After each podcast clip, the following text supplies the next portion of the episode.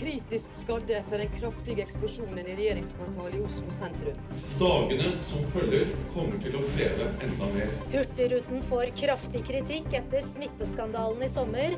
Folk ble ikke testet i tide, mistanke om smitte ble ikke fulgt opp, og karantenereglene ble brutt. Det blir en uh, lang vei for oss. Jeg har svikta igjen og vil si unnskyld. Jeg har et alvorlig rusproblem bestående av alkohol, narkotika og piller i forbindelse med periodevis hard festing. Men Norge har kommet gjennom vanskelige tider før. Du ser dem ikke, men de sniker seg innpå deg, og de gjør stor skade. De er mange, de er sterke, og de vil deg slettes ikke vel. Og de kan lage en krise for deg, eller forsterke krisen du allerede desperat forsøker å håndtere. Nettrollene og løgnfabrikkene begynner å få god fart flere steder enn i Trump- og Putin-land. Velkommen hit til Kriserådet, en podkast for deg som står i en krise, har opplevd en eller frykter at du vil oppleve en. Og vi er Marianne Melfall og Siv Meisingseth. Og episoden du hører på her i Kriserådet, handler altså om de usynlige fiendene i en krise, nemlig nettrollene og løgnfabrikkene som av og til gjør krisen vår enda mer komplisert, fordi de prøver å skape utrygghet og konflikter og frykt blant oss. Vi skal også innom konspirasjonsteorier i dag, og vi har vært så heldige med å få med oss redaktør for nettstedet faktisk.no, Kristoffer eh, Egeberg, som daglig jobber for å etterprøve hva som er fakta eller ikke i den endeløse strømmen av informasjon. I'm you, not going to give you a can question. You, can you, you are fake news. Fake, phony, fake. It's all fake news. It's called fake news. Fake, fake, disgusting news. Ja, snakker vi fake news, så kommer vi ikke unna han her, Mar Marianne. Dette er jo Donald Trump. Uff, nå er jo snart ferdig med ja. Og han har jo kommet med en uttalelse om fake news mer enn 2000 ganger siden han kom til makta for fire år siden. Det vil si da, i gjennomsnitt mer enn én gang om dagen. Dette har vi funnet i uh, britiske medier, så dette har vi holdt for å si. I denne episoden lener vi oss heller mot de som faktisk jobber for å få oss til å finne fram i nyhetsjungelen, dersom vi er opptatt av faktadokumentasjon, da. Nemlig, det gjelder jo. Ja, det er vi.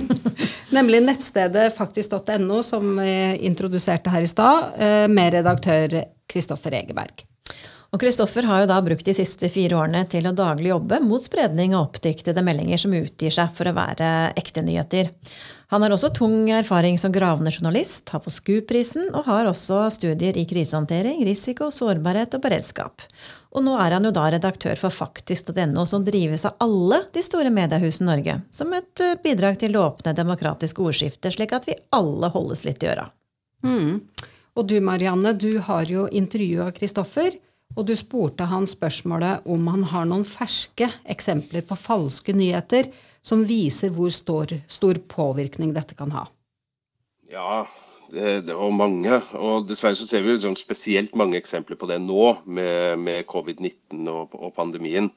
Eh, på mange måter så tror jeg veldig mange av oss har også, oppdaget hvordan dette har fått større plass i, i nyhetsfiden vår. Da tenker jeg spesielt på sosiale medier. At, at, langt flere har blitt eksponert for den type konspirasjonsteorier og konspirasjonstankeganger og falske nyheter enn, enn man kanskje oppdaget før. da. Eh, og mm. sånn Konkret eksempel er jo sånn som i Iran, hvor over 700 skal ha omkommet for å ha drukket metanol. Eh, fordi de, det kom en sånn falsk nyhetsmelding om at det kunne beskytte dem mot covid-19. Og Du har jo mm. den der tilsvarende historie fra USA etter, etter, at presidenten antydet at det å drikke blekemidler var en, en god idé. Eh, men sånn rent overordnet, det at en rekke personer, og det spesielt, altså også i Norge, faktisk ikke tror på covid-19. Eh, eller tror at viruset ikke er farlig, og, og dermed nekter å forholde seg til smitteverntiltakene, det er jo en potensiell katastrofe for kriseberedskapen mm. i, i Norge.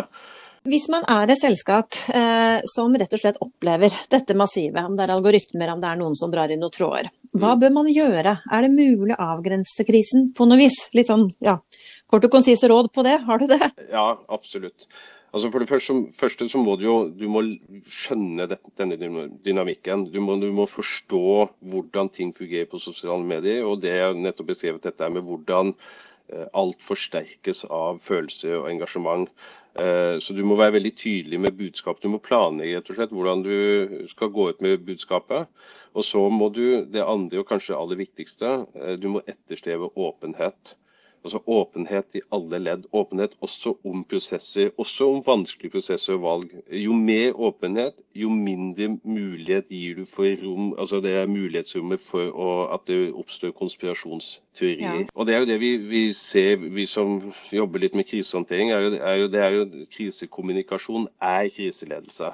Eh, det er, og, og, det å ikke kommunisere er også eh, krisekommunikasjon. altså Det å trekke deg tilbake, det å ikke gi lyd fra deg, det å holde deg skjult, det er kanskje den tydeligste og mest destruktive formen for krisekommunikasjon eh, man kan gjøre. Det å være åpen, det å være tilgjengelig, er utrolig viktig. Jeg tror Et kroneksempel på det er Espen Nakstad. Jeg mm. tror pandemihåndteringen i Norge ville fått en helt annen hadde, ville hatt en helt annen dynamikk i Norge hvis ikke det var for den eh, på en måte tilgjengeligheten som eh, Espen Nakstad og den, den figuren han har vært. For det viser jo, selv om det stormer på internett og du har lockdown-motstandere og det er mye fokus på det også i mediene, så viser jo alle disse undersøkelsene som gjøres nå jevnlig, at det er stor oppslutning om smitteverntiltakene i Norge. Og det tror mm. jeg uh, på mange måter kan skyldes at du har et uh, ja, Espen Nakstad og måten de han, har håndtert informasjonen enten det er rett eller galt, så har de håndtert akkurat den krisekommunikasjonen på en eiendommelig måte. Jeg må også spørre, fordi dere i faktisk.no jobber jo daglig med de ulike teoriene som lanseres. altså Bl.a. hvordan oppsto egentlig covid-19, og så er det jo konspirasjonsteorier, da.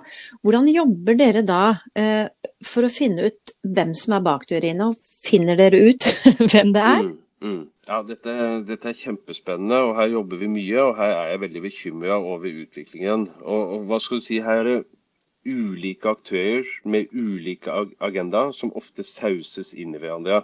Og bare ta sånn De tre hovedgruppene som, som, vi eh, ser, og kanskje de du opplever mest, det er de som rett og slett driver med svindel, de som har et økonomisk motiv. De som prøver å selge deg noe. Eh, eller lurer bankinformasjon eller personopplysninger fra deg ved at du skal logge inn på noe helsedata eller du skal kjøpe et eller annet som funker. Eller en annen veldig økonomisk motiv, det er disse løgnfabrikkene, som er aktører som skaper, lager falske nyheter rett og slett for at du skal klikke inn og bli eksponert for annonser som de tjener penger på. Eh, og her er det veldig mange aktører. Og så har du de mer sånn konspiratoriske gruppene, de som har en egen personlig agenda eller politisk agenda. vaksinemotstandige, vaksinemotstandere, eh, strålemotstandere, ikke sant? Eh, de som er antiglobalister. Forskning viser jo at på sosiale medier så er det jo da et overvekt ytre høyre fløy som er særdeles aktive på å få mye eh, spredning på, på, sine budskap. Mm. Eh, de som er imot eliter og sånne ting. Og der kan du si at Covid-19 har jo skapt den paraplyen som rommer alle konspirasjonsteorier. Og akkurat nå så er det USA, Trump og kjernen av de tilhengerne rundt han som er den største vil jeg si, vestlige katalysatoren for den type konspiratorisk tenkning. De er verre enn Russland, sånn som du ser det, faktisk? Ja, ja, akkurat nå så er det der det kommer ifra. Uh, gjerne knyttet rundt denne QAnon-bevegelsen som mm. man har begynt å høre om, som også er høyst til stede i det norske konspirasjonsmiljøet. Som på mange måter rommer alle disse konspirasjonene i, i ett, da. I én mm. gruppe. Sterke krefter i sving der, altså. Eh, det er jo også et poeng at fremmede makter eh, er også en av disse kreftene. Ny PST-rapport fra forrige uke snakket bl.a. om norsk olje og gass, og hvordan vi på norsk sokkel kan oppleve at kommer det historier der, så er det noen som kommer til å ønske å påvirke de også i sterkere grad enn vi kanskje har kjent til så langt. Så all honnør til Kristoffer og gjengen i faktisk.no, eh, som hjelper oss å tydeliggjøre litt hva som er hva her. Så vårt budskap er vel egentlig, når vi har hørt på dette, mm. ikke underkjenn disse kreftene, som Kristoffer sier. Og jeg tenker jo kanskje at eh, en del av beredskapsplanene rundt omkring i landet også burde få lov å inneholde scenarioer som omhandler dette. Og at det kanskje er scenarioer vi kanskje bør øve enda litt mer på, Siv? Mm, definitivt. Uh, og det betyr jo også at vi nå må ha et bredere perspektiv i vår håndtering. Vi må bli enda bedre på å bruke radaren og raskt ta tak i utfordringer som måtte dukke opp da i sosiale medier. Og her er det viktig å ta et ekstra kritisk blikk på det du håndterer. Sjekk derfor alltid en ekstra gang informasjonen du får. Og i slike kriser så gjelder jo rask håndtering og åpenhet, som også Kristoffer snakka om. Ja, og jeg må jo bare si når vi snakker om dette, at det personlig så er jeg vettaskremt, jeg også, i forhold til hvordan denne type destruktive krefter rett og slett truer demokratiet vårt. Vi snakker om krisehåndtering, men det er jo noe med at dette er hverdagen vår nå, hvor vi kanskje selv også har blitt litt eh, slappe og numne i forhold til informasjon. Det er normalt å lyve og tukle med faktaene. Så, så, jeg er egentlig litt drittlei av konspirasjonsteorier. Eh, og dette med å fornekte dokumentasjon av vitenskap. Og at man heller bruker enhver liten eh, gnist av en sak eh, til å skape en svær brann og virkelig la alarmen gjelde i forhold til å mobilisere sterkere krefter som er opptatt av annet enn vitenskap. Og det er da altså disse usynlige motstanderne som vi må ha i bakhodet i en krise. Og de siste fire åra med Trump da, som president, altså, der har jo mediene blitt framstilt som fiender, og de har fått uh, kritiske spørsmål avfeid. Uh, og for vår del ønsker vi å tydeliggjøre følgende. Ja, fake news det er jo desinformasjon og propaganda. Feilinformasjon er noe annet. Det er slurv og feil som er pinlig, men det er ikke tilsiktet. Stor forskjell. Mm. Og vi ser jo allerede nå masse nyhetssaker om alt det gale som kan skje med oss dersom vi tar eh, covid-19-vaksinen. Eh, saker om hvordan også denne vaksinen er en del av en større plan for å ødelegge helsen vår, overvåke oss eller sikre verdensherredømme for de mørke kreftene. Eh, det er masse fantasi der ute og masse konspirasjonsteorier. Ja, det er jo det. Og det er jo noe med at vi skal være forberedt på det. Altså Når vi nå skal planlegge for en mm. god håndtering, hvis noe skjer, så må vi også være oppmerksom på at går vi aktivt inn for å mobilisere et engasjement med god hensikt. Og markedskampanjer, holdningsskapende kampanjer, må nødvendigvis ha utgangspunkt i følelse og engasjement. Men vit da at det kan også mobilisere den andre siden, som utnytter dette voldsomme engasjementet. Og da kan man miste litt kontrollen på det, rett og slett. Eh, og fakta er jo det første som går. Når folk blir fryktelig engasjerte, så mister vi den kritiske sansen. Og det er det noen som bare står klare. Dette er eh, dokumentert i forhold til at det er løgnfabrikker som vet akkurat hvordan de skal gjøre det med å delta i det ordskiftet som går litt av skaftet. Og er du stedet hvor det skjer, kanskje uforvarende, og du har ikke en plan på det, så blir det ganske heftig. Men var det det som skjedde med SAS da de lanserte sin reklamekampanje for ikke så veldig lenge siden? Det var i hvert fall ikke det de hadde planlagt. Ja, for, for dette var jo en reklamekampanje som pirka litt borti skandinaviske verdier. Ja, eh, for det var jo ikke slik at de skandinaviske verdiene egentlig kom fra Skandinavia. Og mm. da er det mye som begynner å røre seg av egentlig litt sunne interesser og engasjement og mm. diskusjoner. Men det som skjedde, var vel eh, dokumentert i etterkant, og som ga dem fryktelig mye merarbeid, det var at det var høyrepopulistiske stemmer med en voldsom kraft og med et maskineri bak seg som satte i gang, eh, også visstnok med støtte fra den russiske propagandafabrikken Sputnik. Mm. Høres ikke bra ut. Men det som skjedde, var i hvert fall at eh, serverne knelte, og de fikk det veldig hektisk. Eh, og vil nok kanskje lage noen planer for den type ting, for dette kommer til å skje igjen. Mm. Og så har vi et annet eksempel som er for en tid tilbake. Det var eh, en brann i eh, i et parkeringsanlegg på Sola flyplass. Eh, og da sa innsatsleder i politiet til mediene at det første tipset gikk på at brannen startet i en elbil, men dette er ikke bekreftet. Det sa han helt innledningsvis i redningsarbeidet.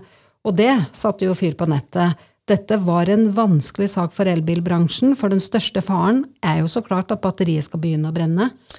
Ja, og da ble det jo publisert uh, umiddelbart masse falske saker, rett og slett, om at elbilsalget stuper, forbud mot elbiler på ferjer. Og det var da hilsen Gjensidig med falske sitater, faktisk, fra lederne i Gjensidige.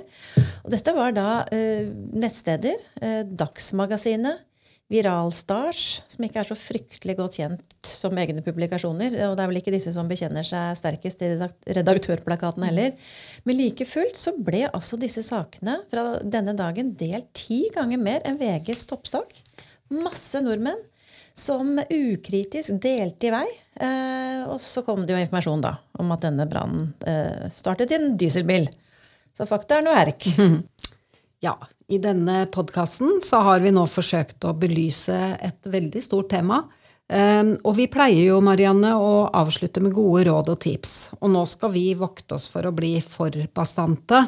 Men om du skulle oppleve å stå i en krise, og du får et enormt trøkk på sosiale medier imot deg, husk i alle fall på å stå i det. Um, krisekommunikasjonen blir viktigere enn noen gang. Lag budskapet ditt. Gjenta det både internt og eksternt, inkludert i sosiale medier. Og ikke ta bort kritiske kommentarer som måtte legges igjen fra motstanderne, med mindre det er injurerende og det går på personer, helt konkret. Du framstår sterk ved å være åpen, så heller forsøk å mobilisere støttespillere til å delta i diskusjonen på din side som motvekt. Og utover det, vær som Kristoffer anbefalte, vær kildekritisk. Bruk huet, rett og slett. Rykter som viderebringes uten refleksjon, men med kjærlighet for det fantastiske, med litt av dose fordommer, er iallfall lite egnet til å skape fellesskap i jula. Kanskje artig med konspiratorisk prat rundt julebordet, men kanskje ikke det mest konstruktive. Og med det så er det kanskje på tide å si takk for oss for i år. Eh, vi går inn i en juleferie, men vi skal komme tilbake med flere aktuelle temaer innafor praktisk kriseledelse. Og det er faktisk helt sant. Riktig god og trygg jul fra oss i Kriserådet.